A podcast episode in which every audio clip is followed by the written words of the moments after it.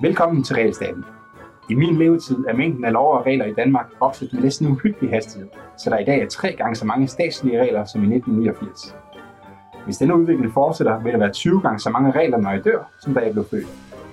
Men hvad betyder det for det danske samfund og den enkelte danskers liv, når staten gennem påbud og forbud blander sig i næsten alt? Jeg hedder Jonas Herby. Jeg er uddannet økonom, og så er liberal inden til benet. I denne podcast vil jeg gøre dig klogere på, hvordan de mange regler påvirker et samfund, og hvad de betyder for din hverdag. Og til at hjælpe mig med at blive klogere, har jeg i dag besøg af Jens Frederik Hansen. Du er jurist og har tidligere arbejdet som øh, advokat. Velkommen til. Tak. Jens Frederik, jeg har, jeg har inviteret dig, fordi at du, øh, vi har talt sammen øh, masser af gange i forbindelse med mit øh, arbejde med, med regelstaten. Og jeg vil gerne sige, at det har fulgt dig på sidelinjerne lidt, og, og stillet kritiske spørgsmål til, hvad det egentlig var, du gik og fedtede med. Så må jeg sige, jeg er imponeret over din grundighed med at komme ud i hjørnerne på, altså når du, din, din systematik, systematik med din database over regler, er, er, selvom jeg er uenig meget, faktisk ganske fremragende. Tak skal du have. Det, det var ikke noget, vi havde planlagt. At, øh, Nej, men det skal jo siges. Nå, men, øh, men gennem alle de her samtaler her, så er det jo tit, du, øh, du kommer med nogle gode historier øh, til ting, du har oplevet øh, som advokat, eller bare problemer, du kan se i eksisterende lovgivning, eller, eller, eller lovgivning, der er på vej. Øh, og jeg kunne godt tænke mig at så lære lidt om, hvad altså domstolens rolle i, øh, i, i regelstaten, og, og de her øh, grænseflader, der kan være mellem lovgivning, domstole, og så også økonomi, som jeg ved, du har, har flere for, selvom, selvom du jo er jurist. Øh, og jeg tænkte, at vi måske at du måske kunne gøre mig klogere på det, øh, med nogle af alle de her øh, historier, som du kan. Øh, men, men inden vi går i gang, så kunne jeg godt tænke mig at spørge dig, om du har brudt loven for nylig. Ja, det har jeg.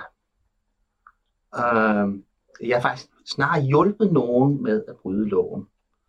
Fordi på vej herned fra Nørreport, der talte jeg jo med en, der gik og brød loven ved at tilbyde mig en gratis synstest.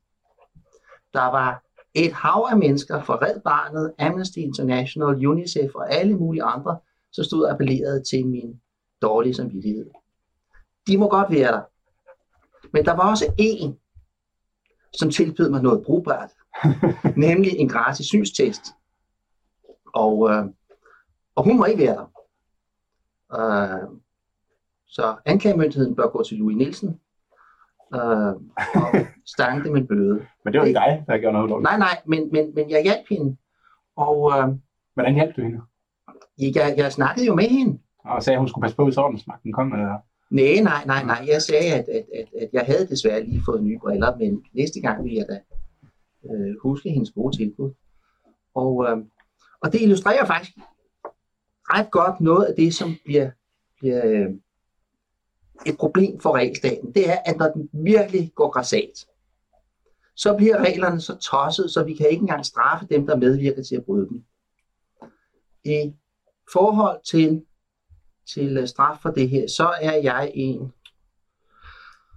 åh, det hedder ikke en ekstra nævs, det hedder en, en øh, altså problemet er, at hun kan straffes for det. Og normalt kan man jo straffes, hvis man medvirker.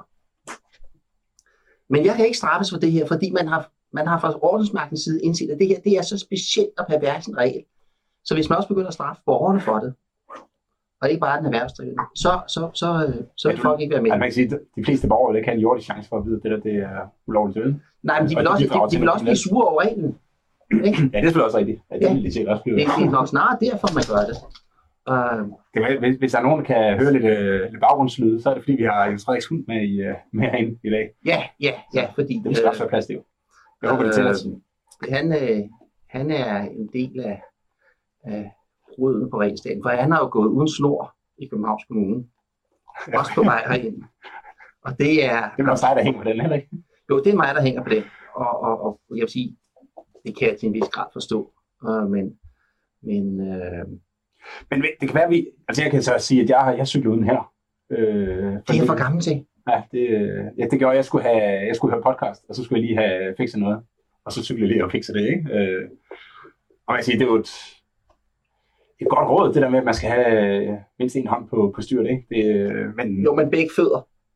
ja, det, det, det, Altså, det, jeg vil sige, det er også et meget godt råd, men at have en regel for det, måske lige i overkanten. Det, det ikke, altså, hvis man, hvis man ikke har begge fødder, så, så øh, selvfølgelig, hvis man har fodbremse, har man svært ved at bremse, men, men altså, der er også for, du små- til, da, da vi postede den på øh, Regelstaten, der, øh, altså på Instagram-profilen der, der var der en, der skrev, at øh, hvis du ikke øh, har fødderne på pedalerne, så triller du jo. Så cykler du ikke længere, så triller du. Vil den holde i rammen? Eller? Nej, det ville den ikke. Nå, okay. Det ville den ikke. Øh, øh, øh, altså, man må sige, en af de, og det, det må jeg sige, jeg værdsætter faktisk den tradition. En af de traditioner, vi har i dansk jura, det er, at vi hænger os ikke så meget i ord som i realiteter. Okay.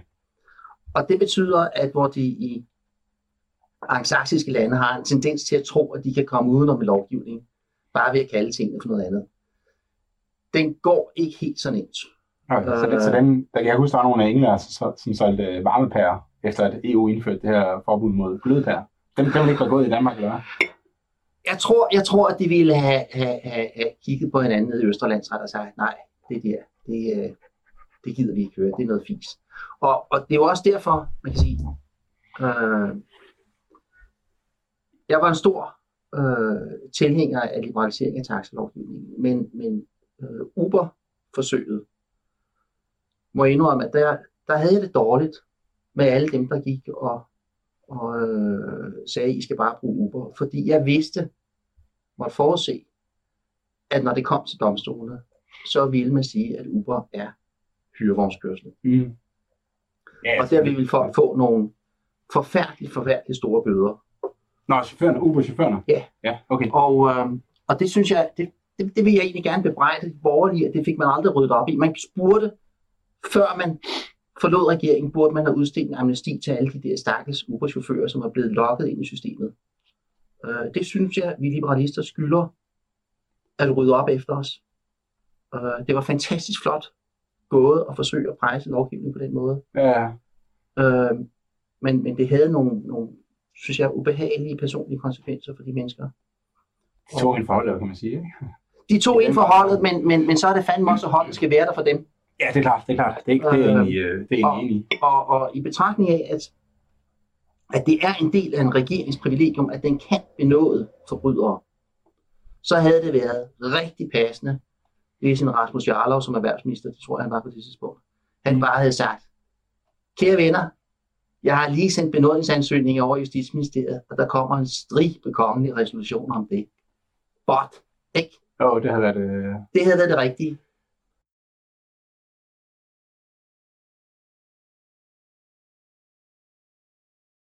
Men lad os, lad os komme videre til, øh, til det, vi egentlig skulle snakke om. Ja. Det var jo faktisk ikke øh, Uber, men, øh, men det var, jeg kunne godt tænke mig at snakke lidt om øh, domstolens rolle i, øh, i realstaten. Og, vi, og du nævnte engang sådan en historie om nogle elefanter i øh, Øst- og Vestdanmark. Ja. Øh, og det kan være, at vi skulle tage den for lidt om.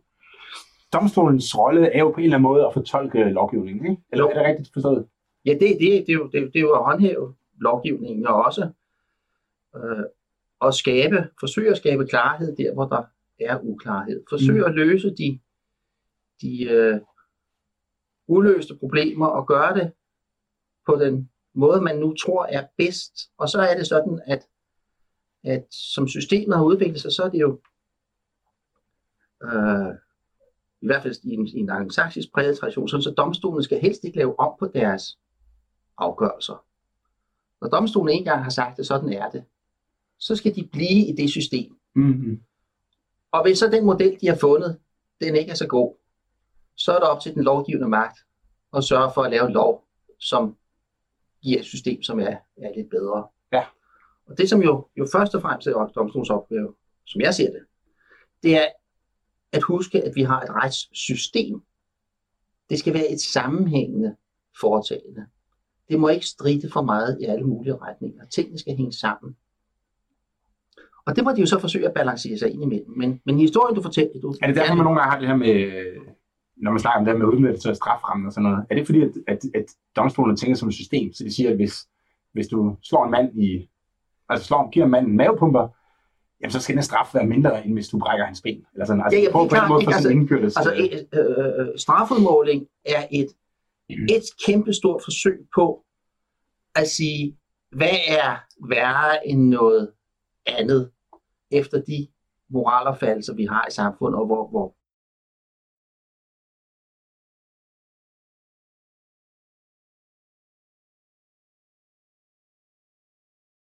tilbage til, øh, elefanterne. til elefanterne, ja. Øh, og, og nu er jeg nødt til at sige, det har jeg sagt til Jonas, jeg fortalte, min morfar fortalte mig altid, at man må aldrig gøre en god historie ringere på vejen. Men, øh, og jeg kan ikke læse op på dommen, men altså, det, det, i kort stræk går det ud på, at, at øh, der var cirkus i Randers. Og vi er tilbage i... Vi er tilbage i midten af 30'erne, Ja, okay, så det... øh, og det var cirkus med, med, med vilde dyr og heste, og, og øh, næsten Elvira Madigan, der var med. Men, men øh, elefanten, den havde været nede ved Gudnåen, og der havde den græsset på de grønne enge, og den havde badet i åen, og den havde hygget sig om formiddagen, og nu skulle den tilbage til den tidlige eftermiddagsforestilling i cirkus. Og dengang var Randers jo en stilfærdig lille provinsby, hvor husmanden Rasmus Nielsen, han var på vej til markedet med sin hustru Marie. De havde lånt naboens fjedervogn, og Marie, hun sad på en appelsinkasse på ladet af vognen. Og det var Rasmus Nielsens egen hest, der trak den. Og de skulle altså til markedet og sælge et eller andet eller købe noget. Og imod den i de stille sidegader i middelalderbyen Randers, kommer en elefant. Og det er hesten selvfølgelig aldrig set før. Så hesten den bliver sky, og den stikker i regn. Og så falder Marie ned fra appelsinkassen, der vælter, og hun falder ned på gaden, og hun brækker benet, og så får Rasmus problemer, fordi nu skal han jo have en husmorafløser på, og det koster penge. Så han sagsøger cirkusdirektøren fra erstatning for husmorafløseren. Og det kommer til at køre ved Vesterlandsret. Og den lovregel, man skal bruge, det er en god gammel en fra Danske Lov 1683, hvor som holder vilde dyr, det vil være sig ulve eller bjørne, og så videre, skal betale den skade, det koster. Øh, det de påfører andre. Uanset om, om man kan sige, at der er noget skyld i det. Øh, og, og så er spørgsmålet, er elefanten et vildt dyr? Det skal juristerne tænke længere over i Vesterlandsret, og i mellemtiden begiver cirkus sig videre mod København. Og i det cirkus kommer trækkende op af Dalby Bakke, så der går cirkuselefanten og trækker en cirkus, en beboelsesvogn. Øh, så kommer der en husmand, Niels Rasmussen, der har været til marked i København, kørende ud fra København med sin hustru Marie siddende på en apsikasse på ladet af fjedervognen. Hesten ser elefanten, den bliver sky, og den stikker i regn. Marie falder ned på gaden, brækker benet, og han har brug for husmorafløser. Så vi har to sager, som er vist lidt mere forskel, men altså, de er stort set ens. Og den kommer så fra Østerlandsret. Men i Østerlandsret ved de ikke, at der kører en sag over Vestre. Det skal cirkusdirektøren nok sørge for at holde mod med. Øh, og det ender også med, at i Vesterlandsret konstaterer de, at fordi der er tale om en indisk elefant, som bruges som trækdyr i Indien, så er den domesticeret husdyr, og så er den ikke vild, og så er det et spørgsmål om skyld. Altså har cirkusdirektøren gjort noget, som en god cirkusdirektør ikke burde gøre, eller er det bare et tilfældigt uheld, at hesten sætter i, i regn. Så han bliver frifundet, direktøren, i Vesterlandsret. Men således går det ikke i Østerlandsret. Der er de mere, mere sådan øh, konforme i deres tankegang. øh, kunne man forvente, at der kom en elefant gående, hvis man var en, en almindelig, normal husmand? Der, der, skal man vende sin hest til at møde elefanter? Eller er det en så usædvanlig risiko? Men, øh, så i, i Østerlandsret, der nåede det til, at det var et vilddyr. Og så er situationen den, at nu går der altså et skillelinje ned gennem Lillebælt. Det er det grænsen mellem Øster og Venstre, Østerlandsret skiller. I Jylland er elefanter tamme, og på Sjælland er de vilddyr. Og det, det gælder også i dag, ikke? Og det gælder i dag. Der har ikke været flere cirkuselefanter, der har fået lov til at gå rundt øh, og, og græse på de grønne enge ved Gudenåen siden.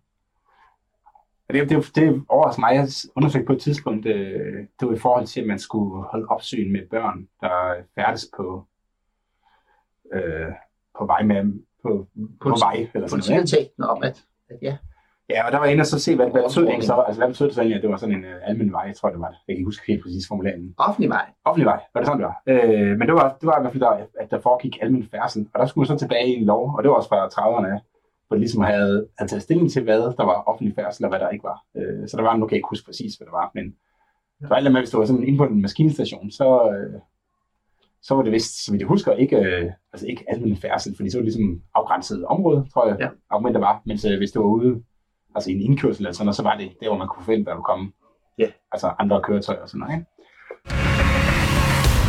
Du lytter til Realstaten.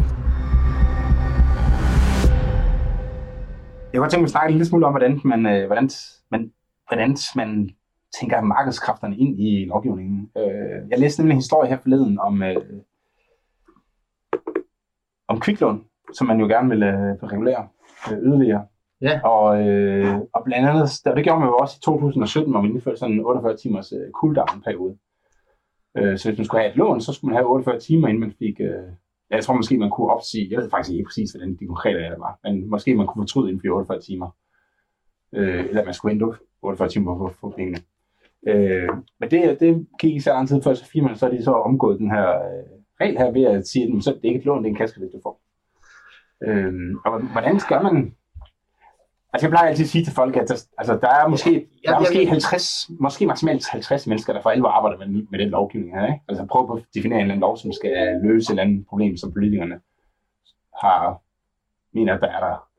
Øhm, men der er jo altså millioner af mennesker, der prøver på at omgå lovgivningen. Så hvordan, det, hvordan forholder man sig til det i, i lovgivningsprocessen? Og, Der er jo det, der er jo det løse det- det, at, at sandsynligheden for, at sådan en sag kommer for retten, den er ganske beskeden. Det må man ikke. Det er jo øh, øh, i allerhøjeste grad strafbart at sige som, som advokat til en, en klient, at du skal huske at, at gange med sandsynligheden for at blive nappet, øh, hvis du påtænker at gøre sådan noget her. Øh, umiddelbart vil jeg sige, en dansk dommer ville altså ikke hoppe på den, med om det var en kaskredit altså, jeg, jeg, ved, jeg læste bare historien på, på DR, Ja, ikke? de må, de må, de må, de må simpelthen Men de spekulere. har omgået den. Ja, ja, men de må så, spekulere. måde med det her. Nå, så du tænker, at det kan være, at de har spekuleret i den ikke, der De, rejst sagen? de, de spekulerer nok i virkeligheden i, at, at sagen ikke bliver rejst. Øh, og, øh, og det kan man sige, det er den jo så til synligheden øh, heller ikke. Ja, den nyhed, jeg læste, var for juli 2017, tror jeg, så jeg Ja. ved faktisk ikke, hvad der er. Nej. Øh, Men jeg kan komme med masser af andre eksempler Ja, på, men- øh, men- men- på, man omgår, omgår lovgivningen. Ikke? Jo, og man, man, man, man forsøger jo at... Det er helt klart, at, at, at lovgivning handler om at trække en streg. Alt jura handler om, om tingene skal puttes på den ene side eller på den anden side af stregen. Øh, og af retssikkerhedshensyn, så vil vi gerne have, at stregen bliver så lige og så skarp som muligt. Og så gælder det om at få kastet tingene ned i den rigtige æske. Og samtidig så opdager vi, at vi har fået kastet lidt for meget i den ene æske, og så må der næste gang, vi skal, skal have nogle tilsvarende så må de over i den anden, fordi systemet skal hænge sammen. Ja, Og der kommer det der med, at systemet skal på en eller anden måde kunne, kunne, kunne fungere. Uh, så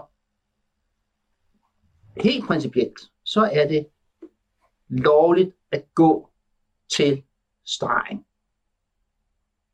Der er i princippet intet galt i at gå til stregen. Hverken fra den ene eller fra den anden side.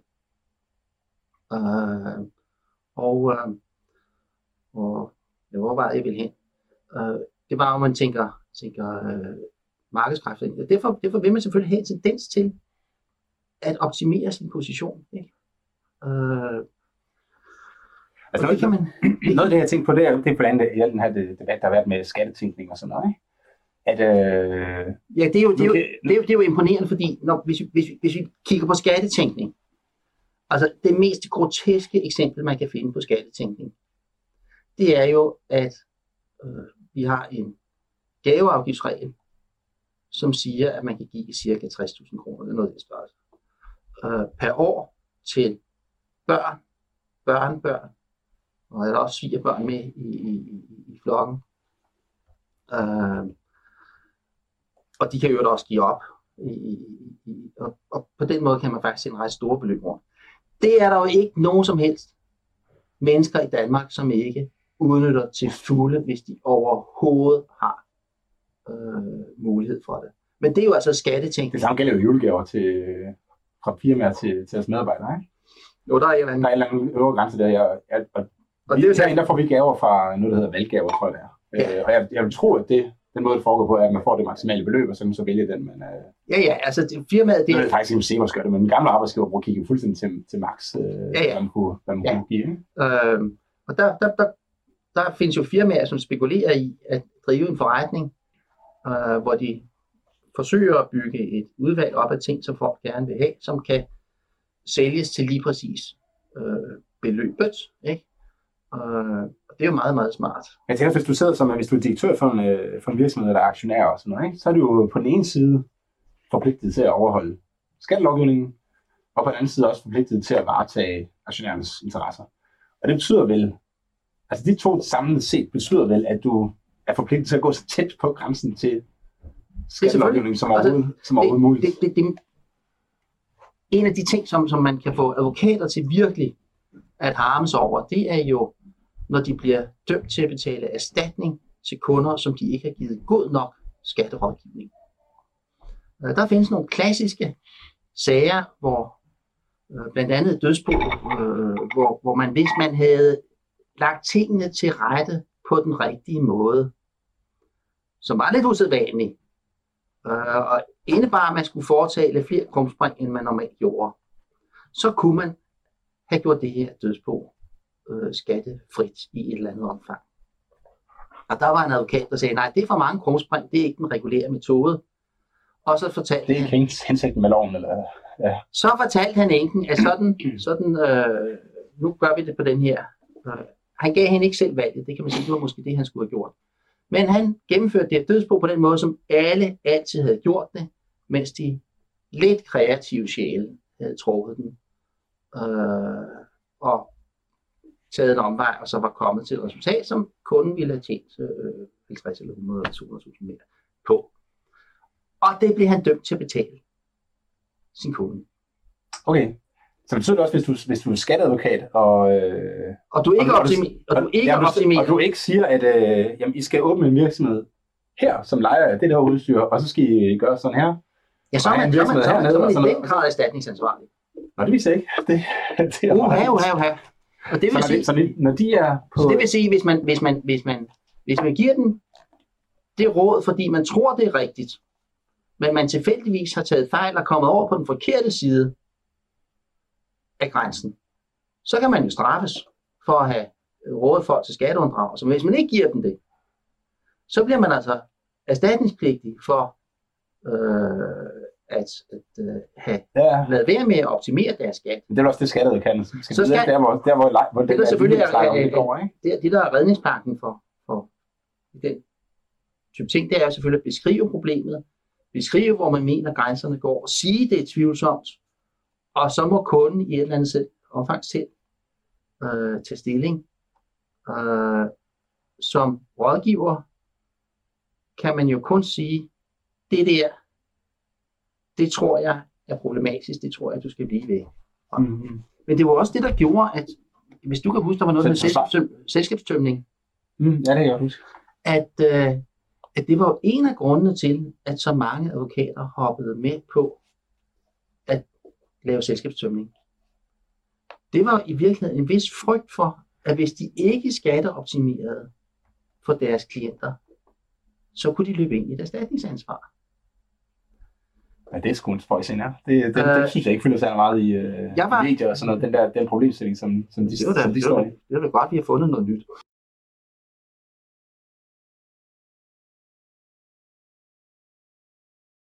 Jeg kunne også gerne nævne noget om øh, bygningsreglement. Det, det, det elsker vi jo begge to. Det var, Ja. ja. det var et festfyrkeri af, Ja. af problematisk lovgivning. Øh, men, jeg, men jeg kunne godt tænke mig, at vi lige... Jeg tror, tiden er løbet lidt fra os uh, ud af det år, det, du kommer til at sætte din taske om på det. Fyld med det. Frederik, øhm, men du, kan du lige fortælle lidt om bygningens bygningsreglement og, elevatorer, og hvordan det, det ligesom har påvirket byggeriet i, Danmark?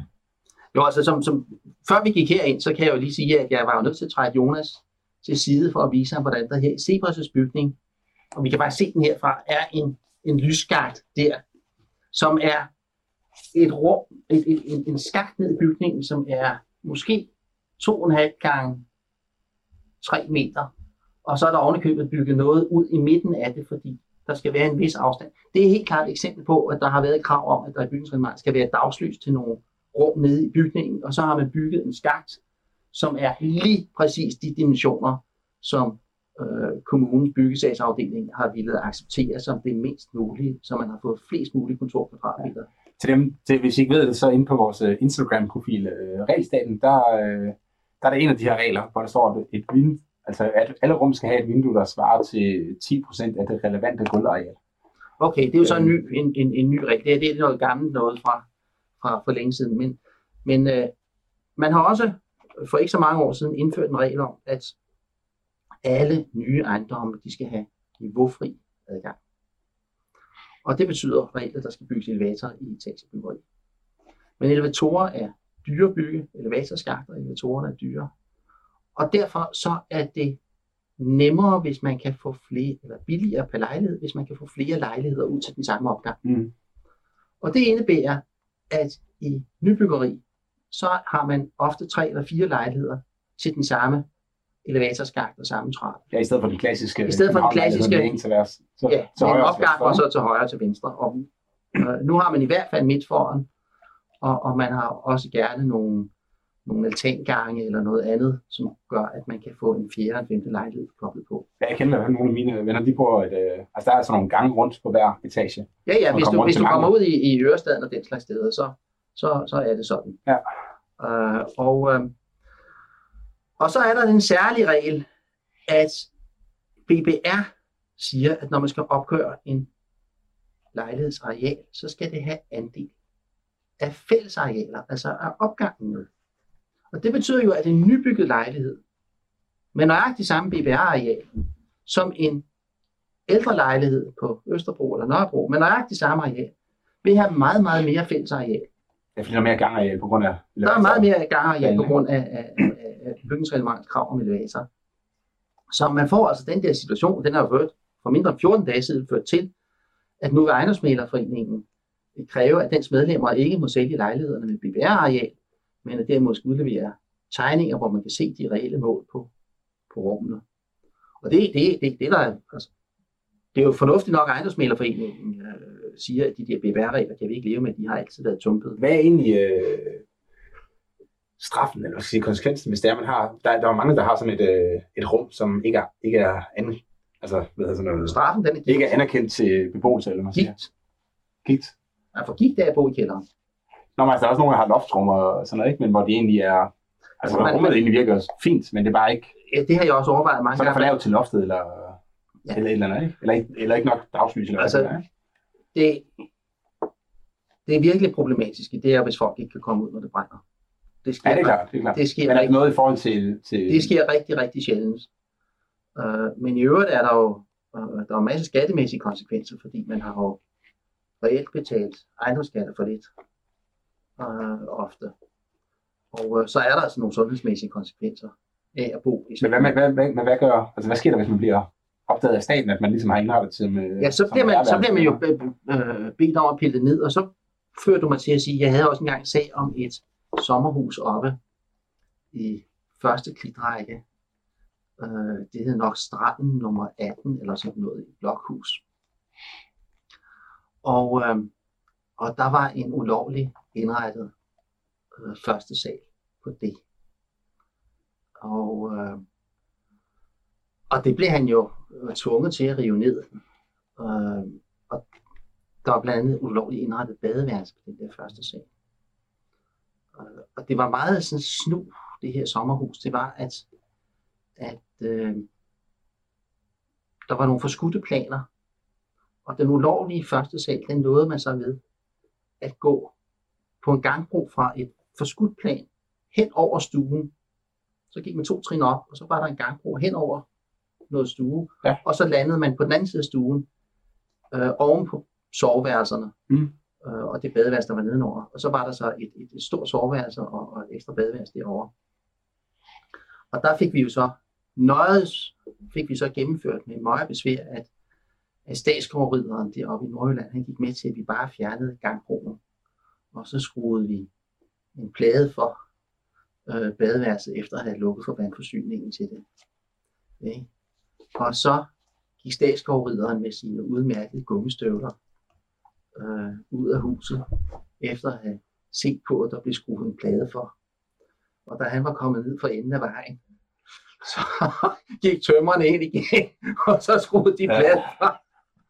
Fordi der er, jeg vil sige, der er et sommerhus i første række i blokhus. Der gør det fanden til forskel på prisen, hvor mange kvadratmeter der er. Øh, det er ekstra soveværelse. Det kan betale rigtig, rigtig mange bøder. Øh, og problemet var jo der opstod ved, at manden havde ville sælge det.